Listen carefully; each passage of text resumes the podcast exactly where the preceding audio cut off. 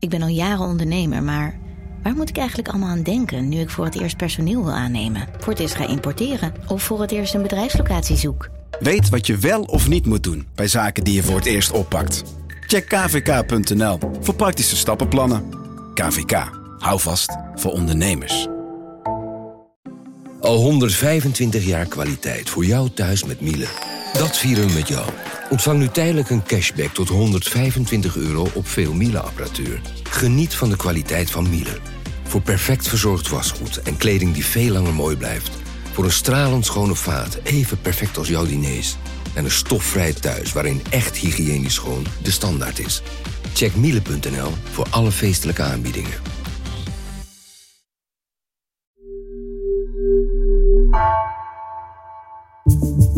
Vanaf de redactie van NRC het verhaal van vandaag. Mijn naam is Misha Melita.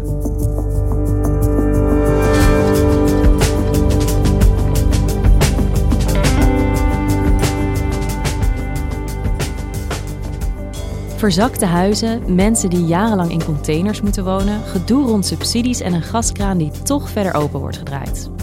Noord-Nederland-correspondent Mark Middel ziet hoe Groningers soms zelfs letterlijk in de kou worden gezet.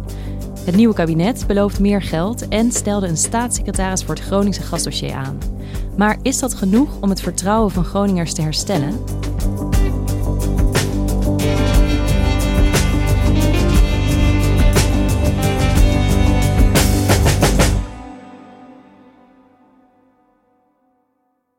Ik, ik, ben, ik ben om acht uur begonnen, ik ben hartpatiënt en daarom heb ik een stoel bij me. Dat ik iedere keer een klein beetje mee opschuif. De computer die liet het vorig jaar ook afweten. En dat betekent dus dat ik dus vanmorgen toch maar met mijn 83 jaar en met hartpatiënt en longpatiënt hier naartoe ben gekomen. Om van datgene gebruik te kunnen maken wat van ons met elkaar is. Als je vorige week in Groningen was, dan zag je voor allemaal verschillende gemeentehuizen in de provincie honderden mensen wachten. En voornamelijk oudere mensen. Mensen die daar kwamen met rollators, met eigen meegenomen krukjes, met opklapstoeltjes, omdat ze aanvraag wilden doen voor een subsidie van 10.000 euro. Dus om 9 uur gingen de gemeentehuizen open om die subsidieaanvraag te kunnen doen. Maar het bleek niet dat er mensen al om half negen in de rij stonden of om acht uur, maar dat sommige mensen al om half zeven in de rij stonden om er maar die subsidie te kunnen krijgen. En dat ging niet om tien mensen en ook niet om honderd, maar dat ging om honderden door alle gemeentehuizen in de hele provincie. En niet alleen buiten stonden mensen in de rij, maar ook binnen. Het was ook een online aanvraag. Dus om 9 uur s ochtends stonden er 50.000 mensen online, waren aangemeld of ingelogd om eh, dus die aanvraag te kunnen doen. Ik ben de hele dag bezig geweest. De plek die je dan op een gegeven moment op de wachtlijst hebt, die vloog van, bo van boven naar beneden, op en neer.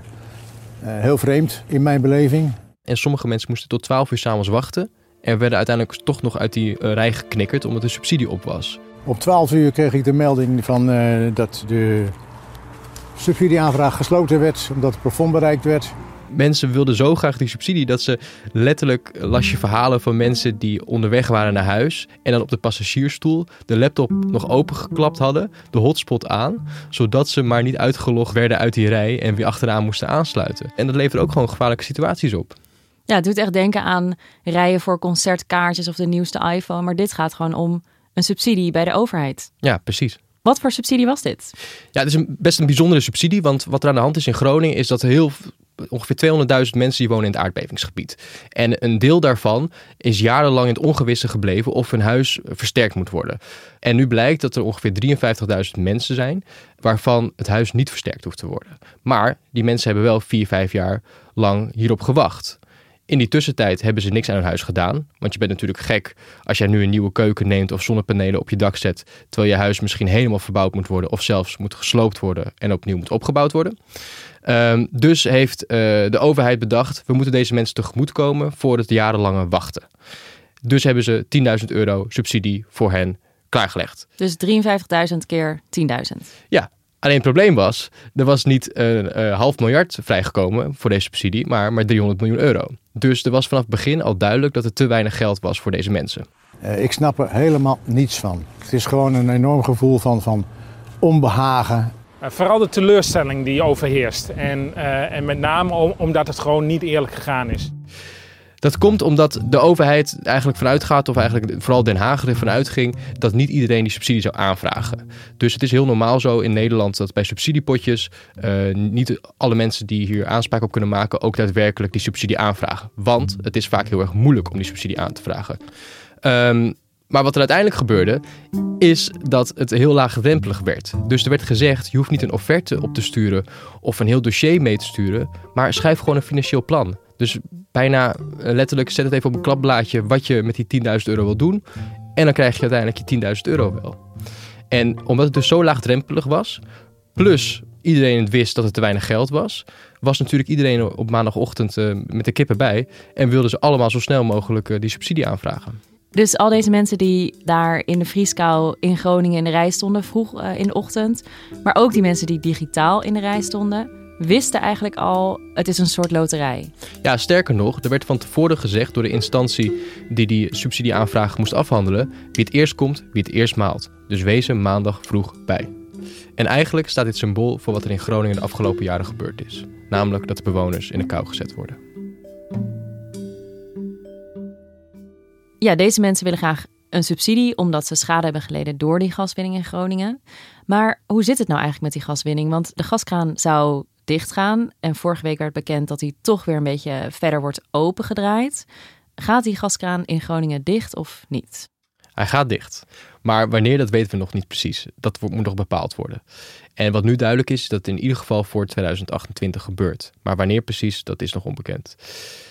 En wat er aan de hand is in Groningen is dat er een paar jaar geleden werden er nog tientallen miljarden kubieke meter aardgas uit de grond gehaald. En daarmee konden we bijvoorbeeld onze huishoudens hier in Nederland verwarmen. En toen is er gezegd door minister Erik Wiebes, we gaan die gaskraan dichtdraaien. En dat werd stapje voor stapje voor stapje gedaan. Um, dat pad naar beneden gaat uh, best snel. Nou is er niet zoiets als even de gaskraan dichtdraaien. Uh, dat gaat niet. Uh, wij gaan Nederlanders niet in de kou zetten. Wij gaan van velen iets vragen, maar even de gaskraan dichtdraaien is er niet bij. Dit jaar zouden we uitkomen op 3,9 miljard kubieke meter gas. Dus dat is echt veel minder dan die tientallen miljarden per jaar die we nog een paar jaar geleden uit de grond pompten. Alleen op de laatste dag van het eh, demissionaire kabinet liet uh, toenmalig minister Stef Blok weten: we gaan niet 3,9 miljard kubieke meter gas, maar dit jaar misschien wel 7,6 miljard kubieke meter aardgas uit de grond halen. Ja, dus toch een slordige twee keer zoveel. Ja, terwijl de Groningers dachten van, hè, ons is toch verteld dat het uh, naar, naar die dikke 3 ging. En nu wordt er weer een overheidsbelofte gebroken en gaat het opeens naar 7,6. Maar in vergelijking dus met een paar jaar geleden valt het wel mee. Oké, okay, dus we gaan toch uh, meer gas halen uit Groningen. Waarom is dat eigenlijk nodig? waarom het nodig is, is omdat er een stikstoffabriek wordt gebouwd. En die stikstoffabriek is nodig om geïmporteerd gas uit het buitenland om te zetten in Groningsgas. Dus je hebt twee soorten gas. Uh, het Groningsgas en het buitenlandse gas, om het simpel te zeggen. En onze huishoudens bijvoorbeeld, die kunnen alleen maar verwarmd worden met het Groningse gas. En niet met buitenlands gas. En zo'n stikstoffabriek, die kan dat dus omzetten. Alleen, die zou al klaar zijn uh, in het voorjaar, dus ongeveer in april. Maar door corona blijkt dat de bouw langer duurt, dat materialen er nog niet zijn. Dus die is pas klaar in de zomer. Dat is een van de redenen waardoor we nu meer gas uit de grond moeten pompen. En de andere reden is, die we niet eerder hadden gehoord, is dat Duitsland ook meer gas voor ons nodig heeft. In Duitsland zijn er ook miljoenen huishoudens die verwarmd worden op het Groningse gas. En nu blijkt dat Duitsland zelf te weinig gas produceert. Dus Duitsland heeft een tegenvaller en dat merkt Groningen eigenlijk meteen. En 2028, dat is in ieder geval het vooruitzicht voor de Groningers dat het dan echt klaar zal zijn. Betekent dat ook een einde aan de ellende, aan de scheuren in de muren, de bevingen en dat soort dingen? Nee, want dat is een beetje uh, de verwarring die er over Groningen is. Als jij de gaskraan dichtdraait, dat betekent niet dat de bevingen meteen stoppen. Dus het gas dat jij morgen uit de grond pompt, zorgt niet voor overmorgen voor een beving. Dat heeft namelijk een effect dat misschien wel tientallen jaren kan duren. Dus een beving die misschien gisteren heeft plaatsgevonden, kan het resultaat zijn van gas dat tien jaar geleden uit de grond gepompt is. Nou, en uh, daarom is het ook zo dat als we nu de gaskraan dichtdraaien, Groningen waarschijnlijk de komende decennia nog last zal hebben van bevingen. De bevingen nemen wel af in aantal en waarschijnlijk ook in kracht, maar de Groningers zullen nog zeker jaren en misschien wel tientallen jaren bevingen voelen. Maar wat je nu in Groningen ziet, is dat de Groningers niet zozeer meer heel erg bang zijn voor die bevingen, maar ze raken nu vooral gefrustreerd over de rol van de overheden. en wat de overheden doen met hun huizen, of eigenlijk wat ze niet doen met hun huizen. Ja, dus bijvoorbeeld zo'n subsidie waar je dan de hele dag voor in de rij moet staan en dat uiteindelijk blijkt dat die gewoon die pot niet groot genoeg is. Ja, en die subsidie, dat is een heel mooi voorbeeld, maar dat is maar eigenlijk een heel klein incident als je kijkt naar het grotere geheel van wat er in Groningen uh, aan problemen ligt. Er zijn ongeveer 200.000 mensen die in het aardbevingsgebied wonen. Um, en bijna al die huizen die hebben schades. En schade is één procedure zeg maar, in het geheel. Dus je meldt je schade, dan komt er iemand langs die controleert het en dan worden je scheuren gerepareerd. Maar vaak als er weer een nieuwe beving is, komen er ook weer nieuwe scheuren. Dus dat is een proces dat nu aan de gang is en wat waarschijnlijk nog tientallen jaren zal gaan duren. En je hoeft de tv of radio maar aan te zetten of je hoort echt de meest aangrijpende verhalen. Vanochtend had ik eindelijk tijd om even om mijn huis heen te lopen. Wij zijn voor de kerst in een nieuw huis gegaan. Hebben drie jaar in een container gewoond met opgroeiende kinderen. En we hebben weer schade. En dat blijft maar komen, hè? Maar daarnaast is er nog een andere uh, procedure die nog veel moeizamer verloopt: de versterkingsoperatie. De versterkingsoperatie? Dat betekent dat je huis bij een zware beving uh, te onveilig is omdat er jarenlang rekening mee is gehouden dat er een hele zware aardbeving in Groningen zou plaatsvinden. En als dat gebeurt, um, zullen er waarschijnlijk huizen gaan instorten. Dus is op een gegeven moment een versterkingsoperatie bedacht. En wat betekent dat? Dat betekent dat jouw huis veilig genoeg wordt gemaakt, zodat je binnen enkele seconden je huis uit kan rennen bij een zware beving, voordat de boel instort.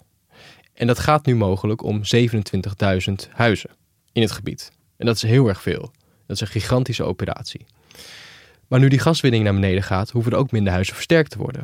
Ja, dat is eigenlijk goed nieuws. Dat is goed nieuws. Alleen het probleem is dat mensen niet weten in welk stadium van het traject ze zijn. Dus sommige mensen hebben vijf jaar geleden gehoord van nou, uw huis moet gesloopt worden en opnieuw opgebouwd, want het is nu te onveilig. En horen nu vijf jaar later, oh, de gaskraan gaat omlaag, de kans op bevingen uh, is minder. Dus we kunnen uw huis gewoon laten staan en we gaan alleen een steunbalkje vervangen. Er is al vastgesteld dat haar woning onveilig is.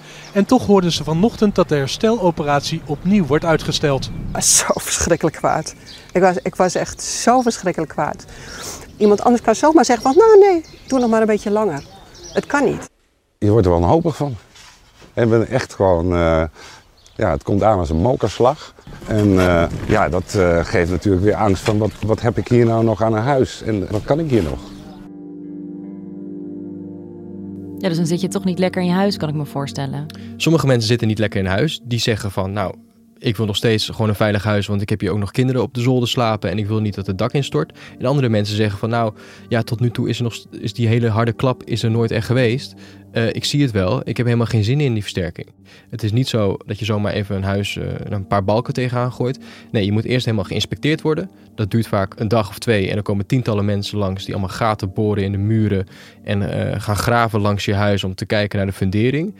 Vervolgens moet je vaak een jaar of langer wachten op een rapport van nou, wat er aan je huis allemaal moet gaan gebeuren. En dan moet het huis nog versterkt worden. Die versterking kan heel veel impact hebben op mensen. Want sommige huizen die moeten gesloopt worden en opnieuw opgebouwd. En andere mensen die moeten bijvoorbeeld een jaar een huis uit, omdat er een hele nieuwe fundering moet komen of allemaal muren uh, vervangen moeten worden. Dus je hebt letterlijk in Groningen mensen die in containers met hun hele gezin twee jaar hebben gewoond. En nu heb je heel veel mensen die in wisselwoningen wonen. Dus het is vaak aan de rand van het dorp. Heb je gewoon hele nieuwe woonwijkjes waar dan mensen een jaar of twee jaar gaan wonen. Nou, en heel veel mensen zitten daar natuurlijk niet op te wachten, want het heeft zoveel impact op je leven. Ja, dus daar is veel onduidelijkheid. Sommige mensen wonen al heel lang in een huis waarvan ooit is gezegd: dit is eigenlijk niet veilig genoeg. Nu is dat weer omgekeerd. Sommige mensen wonen in een tijdelijk huis. Ik kan me voorstellen dat het heel veel onzekerheid bij de Groningers teweeg brengt. Ja, en wat je ziet is dat uh, bijvoorbeeld het ene dorp krijgt wel een nieuwbouwwijk en de andere dorp niet. En in de ene straat, de helft van de straat, aan de linkerkant bijvoorbeeld, allemaal uh, versterkt worden. Terwijl die andere mensen nu nog steeds jaren zitten te wachten met wat er met hun huis gebeurt. De versterking gaat in ieder geval door bij ons. Dat is uh, voor ons dan een positief bericht.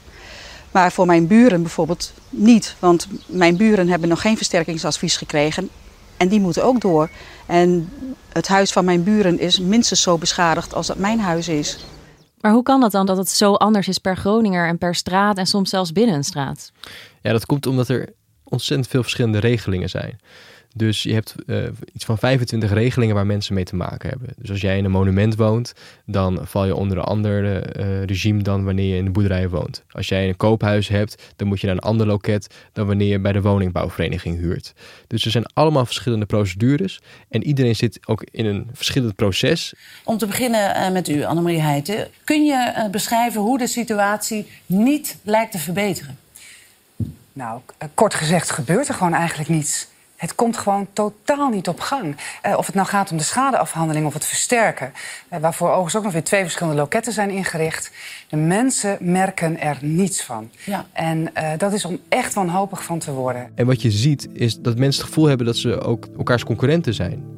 En dat zorgt ook voor jaloezie en dat zorgt voor, voor wrok onderling. Dat het in dezelfde straat de buurman wel een, nieuw, een nieuwbouwwoning heeft... terwijl jij nog steeds niet weet wat je met, met je huis gaat gebeuren. Ja, dat komt door al die verschillende regelingen, maar ook door onhandige dingen zoals uh, wat we vorige week zagen met die rijen in Groningen. Dat je een subsidiepot aanbiedt die gewoon niet groot genoeg is. Ja, precies. En het probleem in Groningen is, is dat eh, het is ten eerste aangedaan. Ze hebben niet gekozen voor die bevingen en voor die schurren in hun huizen. Maar uiteindelijk overal waar ze recht op hebben, namelijk een veilig huis, uh, die opgelost worden of een subsidie voor 10.000 euro, daar moeten ze zelf achteraan.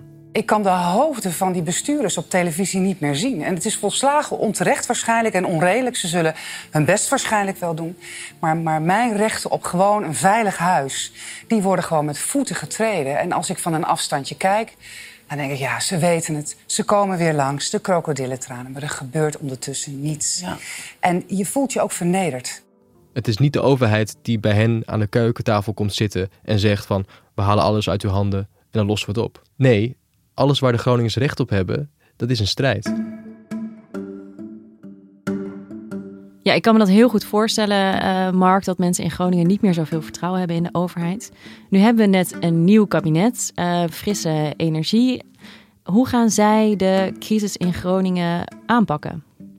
Nou, er is een speciaal staatssecretaris voor Groningen gekomen, namelijk Hans Veilbrief, staatssecretaris van Mijnbouw. En die was deze week op bezoek in Groningen. En wat heeft hij daar gezegd? Nou, niet zo heel veel. Vooral dat hij uh, nog eh, heel veel moet leren en moet horen. En dat hij graag met iedereen in gesprek gaat. Maar hij kwam ook met nieuws. Namelijk dat er voor 2024 uh, de gaskraan dicht gaat, uh, wat hem betreft. Alleen, ik vraag me af of het ook daadwerkelijk gaat gebeuren. En hij kwam met 250 miljoen voor die subsidiepot, die dus leeg was. Dus alle mensen die in de rij hebben gestaan in de kou en alle mensen die online hebben moeten wachten, die kunnen nu alsnog aanspraak maken op die 10.000 euro subsidie. Overigens kwam premier Rutte deze week ook met een reactie op wat er allemaal gebeurd is in Groningen. Hij zei dat hij zich de ogen uit de kop schaamde over wat er allemaal was gebeurd met die rijen en die oude mensen en hun relators.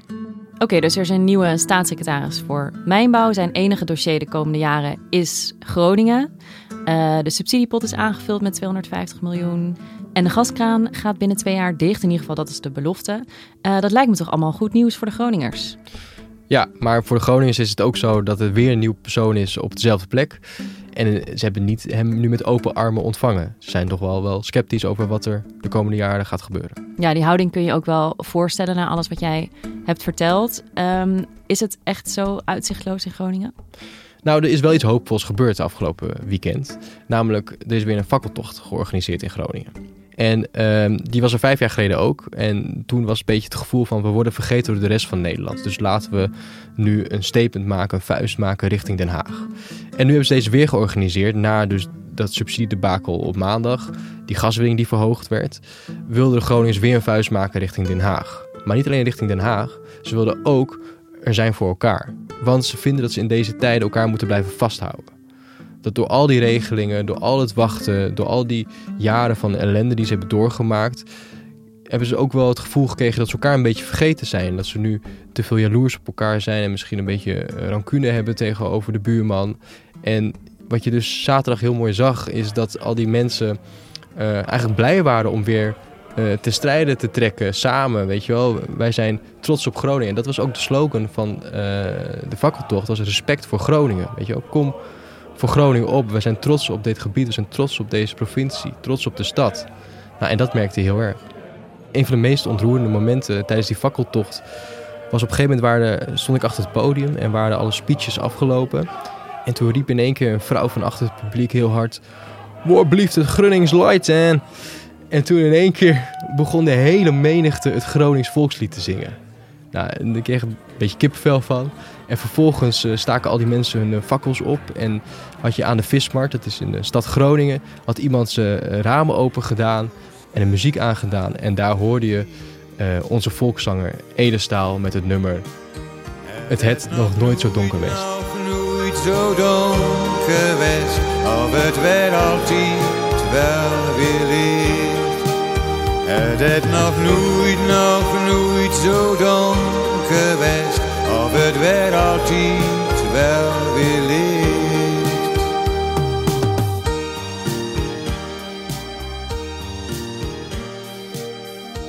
Dankjewel, Mark. Graag gedaan.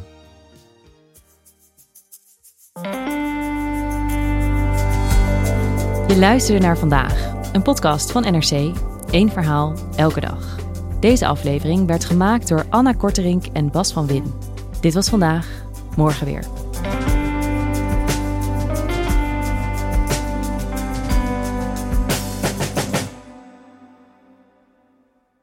Technologie lijkt tegenwoordig het antwoord op iedere uitdaging.